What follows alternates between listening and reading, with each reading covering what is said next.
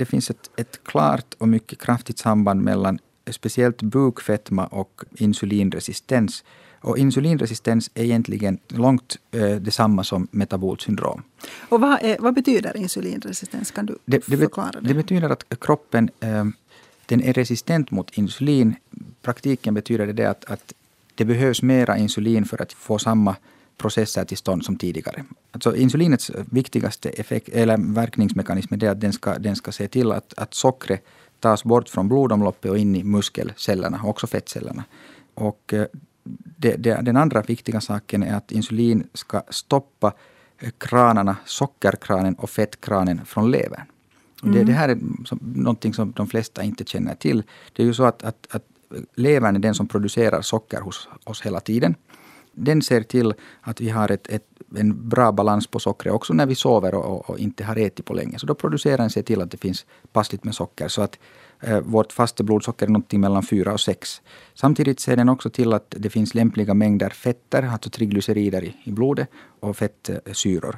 Och det viktigaste saken här är att insulinet går dit att när vi äter så, så ökar produktionen av insulin. Insulinet påverkar levern på det sättet att den stänger av kranarna. Eftersom vi får det här sockret och det här fettet från maten, maten, så behöver vi inte från levern. Den ska stänga av den där kranen. Ja. Men det som sker i insulinresistens är att det här insulinet inte stänger av den här kranen. Ja. Utan det hela tiden produceras mera och mera. Och då, då, då, då stiger de här värdena, fettvärdena, triglyceriderna stiger, blodsockret stiger.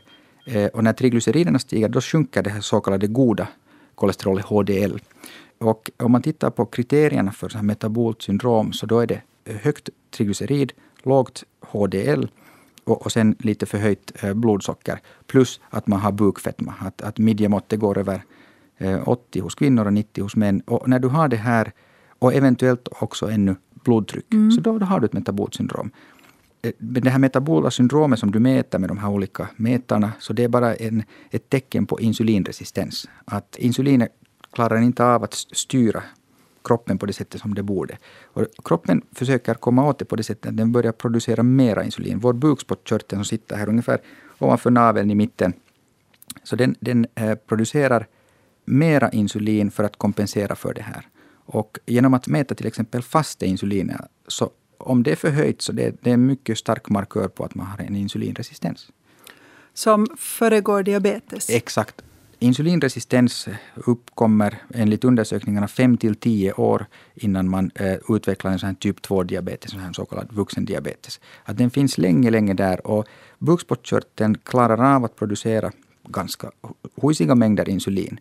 Men vid något skede så börjar den bli trött och de här betacellerna i, i, i bukspottkörteln börjar funktionen avtar, de till och med eh, börjar dö, de här cellerna, och då börjar insulinproduktionen minska. Och, och, när den minskar så då, då, börjar man se att blodsockret börjar stiga. Och när blodsockret sen går över 7 då säger vi att det är diabetes. Men egentligen så har man varit i ett sånt här fördiabetiskt stadie redan i, i fem år, i tio år. Att det här att, att, att vi, vi säger att det, blodsocker 7 är diabetes är egentligen helt konstgjort för att det här problemet har funnits där mycket, mycket längre. Och då när, när diabetes är där så har ända upp till 50 procent av bukspottkörtelns kapacitet försvunnit. Att vi är, vi är hemskt långt liksom på fel sida då redan, att det har skett mycket skador i kroppen. Ja, men alla människor som går upp i vikt får inte metabolt syndrom. Alla får inte bukfetma. Mycket bra fråga. Vad beror det på? Ja, vi, vi, vet inte exakt. Eh, där generna spelar en enorm enormt stor roll här. Att det, det, vi vet ju att genetiskt att det finns, det finns familjer där, där eh, risken för så här vuxendiabetes är påtagligt stor. Att, att, att hemskt många får. Och det finns familjer där man har en grav övervikt där, där alla värden är normala. Och det, det är något genetiskt vi känner inte. Vi vet inte riktigt varför. Det undersöks kolossalt mycket. Kan man bli av med ett metabolt syndrom? Eh, tack för att du frågade. Absolut. Det är den rätta tiden att reagera och, och vända, vända den här negativa utvecklingen. Det är mycket, mycket lättare att bli av med ett metabolt syndrom än att bli av med diabetes. Det har många, många undersökningar visat. Och orsaken är just det att bukspottkörteln ännu under ett metabolt syndrom, den har kapacitet att återhämta sig och kroppen kan återhämta sig och gå eh, hela vägen tillbaka till det normala. Men om du har utvecklat en diabetes, då har en, åtminstone bukspottkörteln tagit illa upp och, och det, finns, det finns inte mera samma kapacitet att ta till.